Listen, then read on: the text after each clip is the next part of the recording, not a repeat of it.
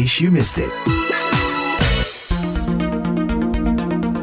Selamat pagi pendengar, Anda tengah mengikuti acara In Case You Missed It VOA, Voice of America, Washington DC bersama saya Leonard Triono. Selain melalui streaming di website kami www.voaindonesia.com dan lewat siaran stasiun-stasiun radio afiliasi VOA di seluruh Indonesia, acara ini juga bisa disimak melalui podcast VOA In Case You Missed It lewat aplikasi langganan Anda. Pendengar sehubungan dengan Hari Natal 2023. Bincang-bincang kita kali ini tentang perayaan salah satu hari yang sangat penting bagi umat Kristiani ini di seluruh dunia tentu saja, tetapi kami akan berbincang-bincang sedikit mengenai perayaan Natal di Amerika. Dan kali ini ada dua narasumber. Pertama, Bapak Aldo Siahaan, pastor atau pendeta dari Philadelphia Praise Center di Philadelphia, Pennsylvania. Kemudian yang kedua, ini Romo Charles O'Carm. Pertama, Pak Aldo bisa memperkenalkan diri. Oke, nama saya Aldo Syahaan. Saya aslinya Tapanuli, orang Batak. Tapi saya lahir di Jakarta, besar di Jakarta, hingga akhirnya hijrah ke Amerika tahun 98. Dan sejak tahun 2005 bersama teman-teman kami memulai satu komunitas baru gereja bernama Philadelphia Praise Center yang menjadi bagian daripada gereja Mennonite Amerika. Silakan Romo. Ya, baik. Selamat pagi. Saya Romo Charles Virginius Okarm. Saya dari Bali, Indonesia dan sekarang saya berada di Washington DC untuk melanjutkan studi di bidang sistematik teologi di The Catholic University of America. Pak Aldo mungkin bisa diberikan gambaran mengenai pengamatan tentang perayaan Natal di Amerika secara umum ya. Apakah ada hal-hal yang unik mungkin yang berbeda dengan Indonesia? Big different, of course. Tapi mungkin karena saya bertumbuhnya di Indonesia ya Pak Tri ya. Jadi akar saya masih Indonesia banget. Dan Natal untuk di Indonesia sangat keluarga. Dan bukan hanya keluarga berkumpul, tapi keluarga sama-sama ke gereja. Dan setelah ke gereja berkumpul, begitu nanti ada hari kedua lagi ke gereja berkumpul lagi. Sementara kalau di Amerika yang saya lihat sejak kedatangan saya tahun 98 sampai sekarang lebih ke konsumerisme.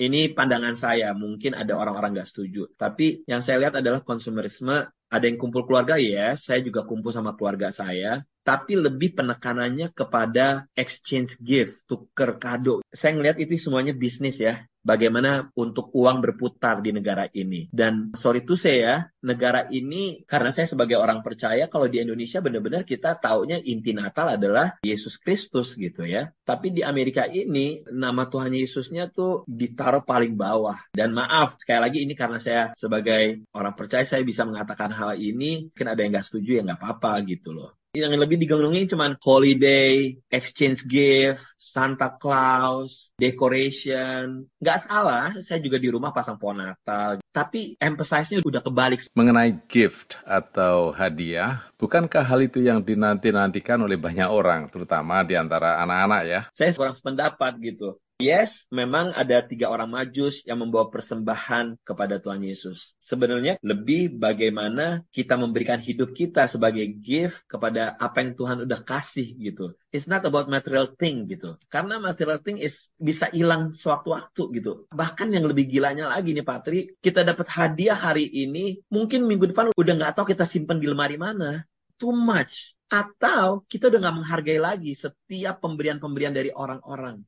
Jadi kalau menurut saya kalau kita relate dengan yang tadi Pak Tri singgung gitu ya, aku lebih setuju sih sebenarnya gift-nya itu adalah bagaimana kita memberikan hidup kita kepada Tuhan Yesus yang udah jadi juru selamat kita gitu loh. Bagaimana dengan Romo mungkin ada perspektif berbeda? Maksud saya pengamatan yang berbeda terutama karena Romo baru di sini sekitar dua tahun ya atau bahkan kurang. Silahkan Romo. Iya, saya sendiri mengalami Natal di US ini baru sekali ya, yaitu tahun lalu, tahun 2022. Tapi memang menurut saya unik karena begini, bayangan saya ketika saya di Indonesia adalah selalu Natal itu identik dengan salju gitu ya, jadi white Christmas, putih begitu.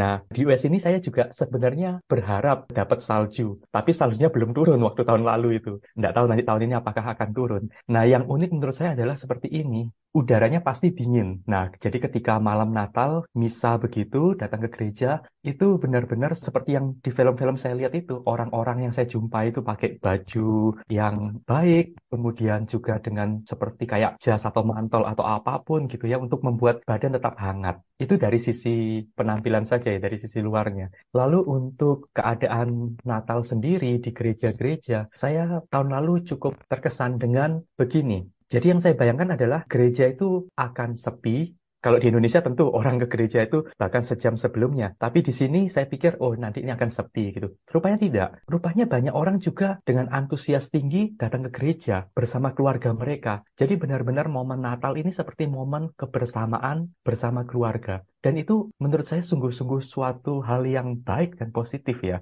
Ini seperti gambaran bagaimana ketika Maria, Yosef, Yesus di Bethlehem sebagai keluarga bersama-sama. Dan kini juga semua orang merayakan Natal bersama-sama dengan keluarga. Ya, itu hal yang sungguh-sungguh menggembirakan bagi saya. Di US sendiri rupanya kita tidak kehilangan dengan antusiasme seperti itu. Dan ya ini sungguh-sungguh menarik buat saya.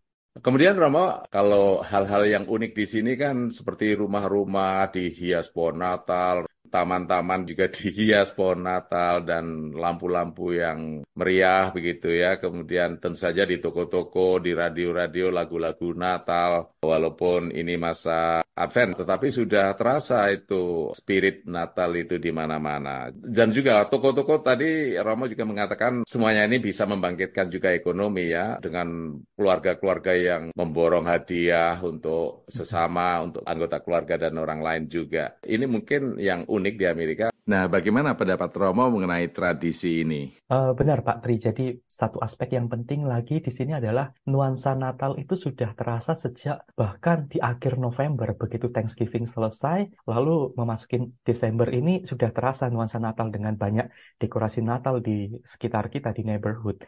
Ini sekali lagi menurut saya adalah hal yang baik ya dan mungkin agak sulit juga bagi kita untuk menemui hal semacam ini di Indonesia karena tentu perbedaan budaya.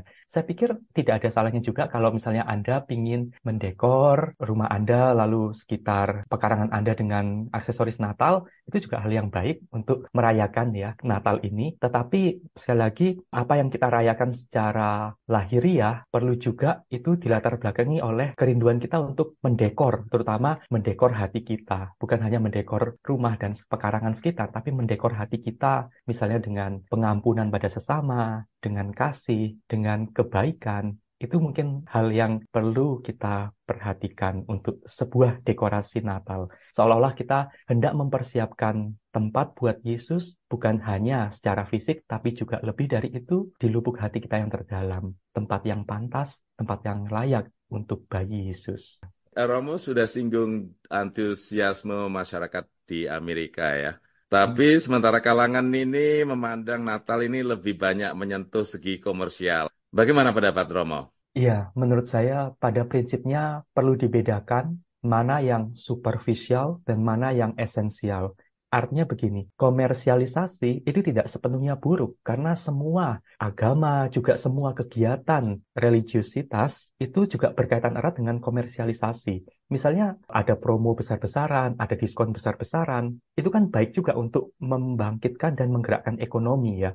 Tapi di satu pihak kita tidak boleh terjebak dengan hal itu. Nah, di sini jadi seperti ada tarik-menarik. Mungkin sebagian orang ingin misalnya ke gereja dengan baju yang baru, dengan aksesoris yang baru, itu silakan saja. Tetapi itu adalah bagian dari superficial. Apa yang esensial adalah bagaimana kita datang ke gereja dengan sebuah kerinduan. Kerinduan untuk berjumpa dengan Tuhan, kerinduan untuk berbagi kehangatan dengan sesama. Itu mungkin bagi saya yang penting. Tapi sekali lagi komersialisasi Natal tidak sepenuhnya buruk karena itu juga bagian dari ekonomi, tetapi harap tidak menjadi bagian yang utama begitu.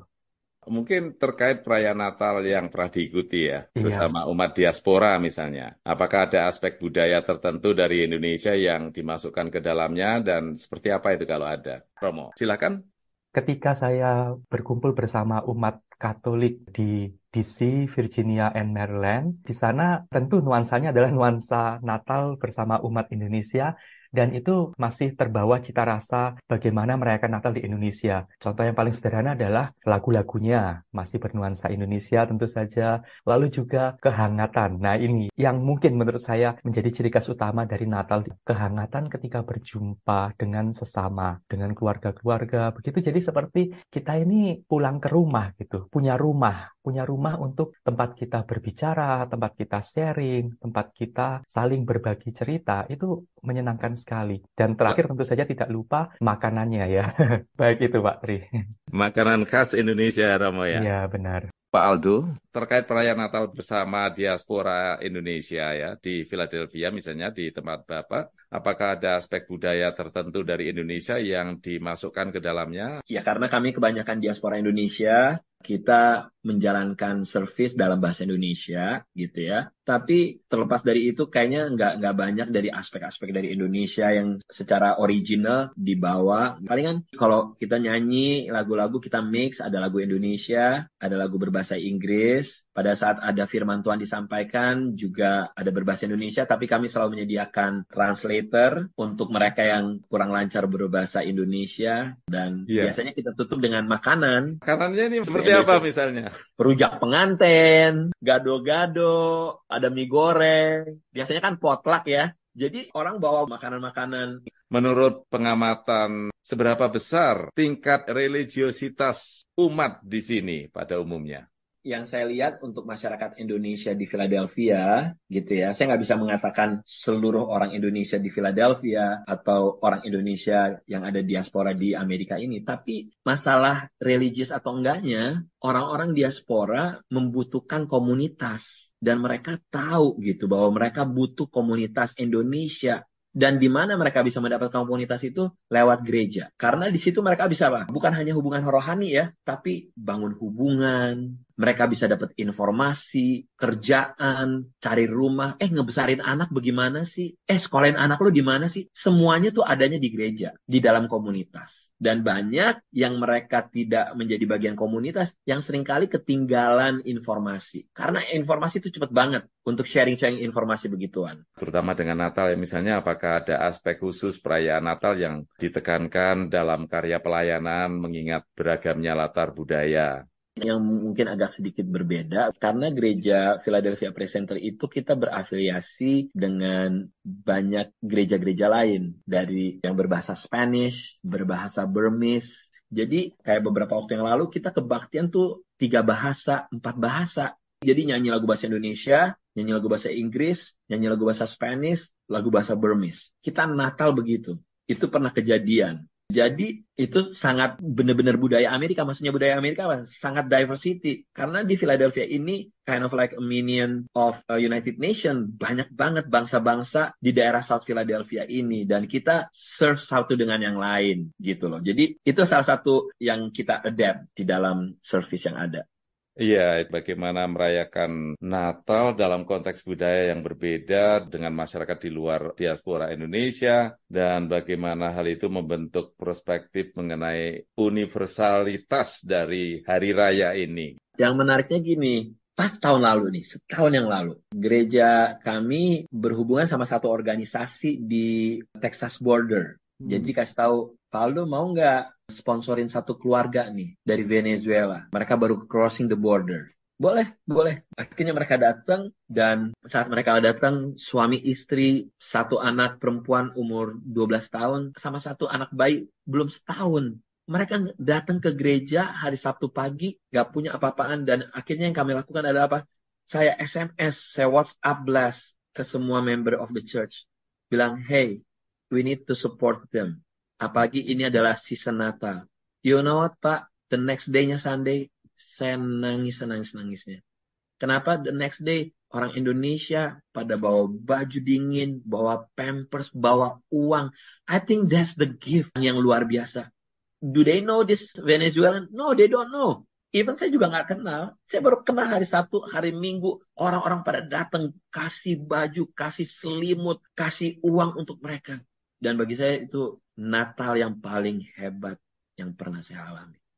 berkenaan dengan Natal, apakah ada semacam aksi sosial atau aksi Natal? Hal-hal seperti itu yang kita lakukan. Kayak tahun ini uh, kita juga melakukan yang sama, bekerja sama dengan orang-orang Spanish di sini, orang-orang Indonesia yang baru datang nih banyak banget, yang benar-benar meninggalkan Indonesia, nggak tahu apa-apaan, kita buka gereja kita, kita ada donasi makanan, kita kasih mereka, kita undang orang-orang yang udah lama untuk bring jacket, semua segala macam yang masih bagus yang layak pakai, ambil. Bukan hanya untuk orang Indonesia, untuk orang-orang Spanish juga bilang, hey, kita banyak plenty of food, kita kerjasama dengan Trader Joe, setiap weekend ambil makanan, ambil food cans, ayo ini ada baju dingin, ambil. Kita ini banyak banget diberkatin dengan ada yang nyumbang susu, nyumbang tahu, nyumbang makanan. Setiap minggu kita bilang, hey, just come, get it, come, get it. Dan itu lintas agama juga ya? Lintas agama, Pak. Kita tuh, kita nggak pernah bilang khusus untuk gereja PPC. Nope. Kita bilang untuk siapa aja boleh datang. Ambil, ambil, ambil. Berikutnya mungkin ada refleksi secara pribadi, Romo, tentang aspek mana yang terkait dengan Natal di Amerika yang bisa memperkaya pemahaman tentang hari raya ini ya? Dan uh, mungkin juga bisa disinggung mengenai unsur universalitas dari perayaan Natal itu. Iya, benar. Jadi apa yang bersifat universal dari perayaan Natal ini menurut saya adalah seperti ini. Di mana pun kita berada, ketika kita menghadiri misa ekaristi, bahasa mungkin berbeda, mungkin juga lagu-lagu berbeda, tetapi satu hal yang sama kita disemangati dan disatukan oleh ritus itu oleh bagaimana Tuhan menyatukan semua umatnya lewat tubuh Kristus. Bagi saya itu adalah sebuah universalitas dari Hari Raya Natal.